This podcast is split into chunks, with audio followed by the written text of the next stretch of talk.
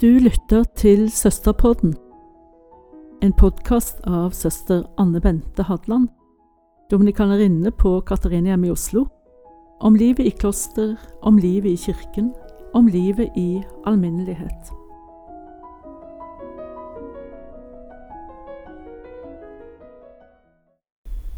I det siste har jeg publisert to innlegg på bloggen min om fedre som har gjort inntrykk på meg. I dag, på denne høytidsdagen for jomfru Maria, har jeg lyst å si noen ord om enda en far, om Josef, Jesu fosterfar. Det er ikke mye vi vet om ham. Men evangeliene sier litt. Han var trolovet med Maria, leser vi, og da Maria var blitt gravid uten hans medvirkning, ville han skille seg fra henne i all stillhet. Men en engel kom til ham i drømme og overbeviste ham om at barnet var av Gud.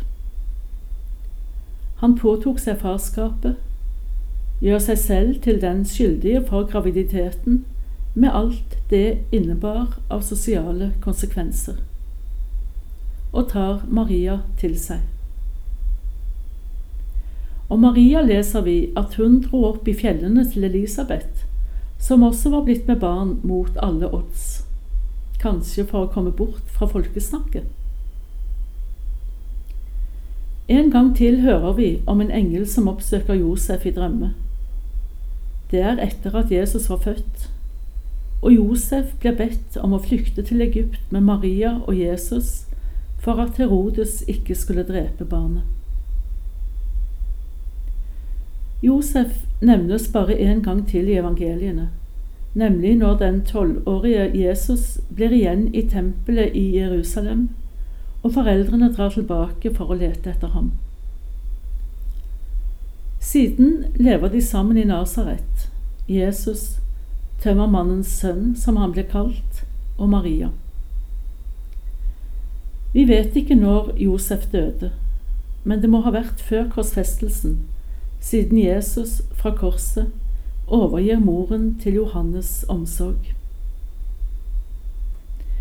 Men hvorfor Josef på denne høytidsdagen for Marias uplettede unnfangelse?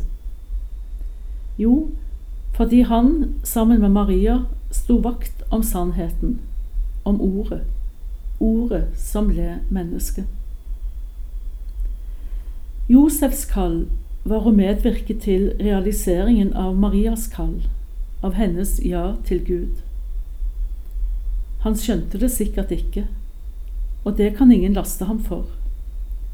Men han gjorde det, i tro og tillit til Gud. På mange måter er han bakteppet i Marias liv.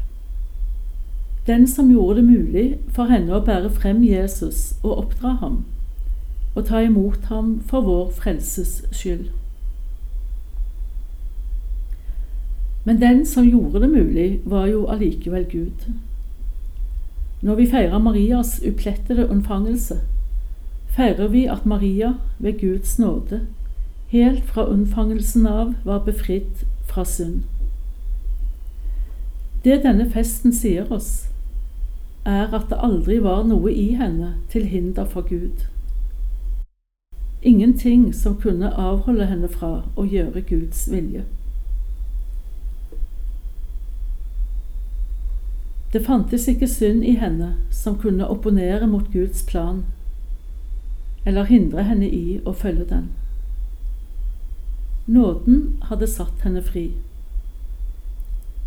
Engelen hilser henne med ordene Vær hilset, du nådefylte. Maria var fylt av nåde og fri fra synd, så hun kunne bli verdig til å bli mor til Guds egen sønn. Det både Maria og Josef gjorde, var å leve med mysteriet bevare det i sin omsorg og i sitt hjerte. Si ja til Gud uten helt å forstå, men gå videre med Gud, skritt for skritt, i håp om en gang å se en gang å erkjenne at Gud er nok. Josef, Be for oss.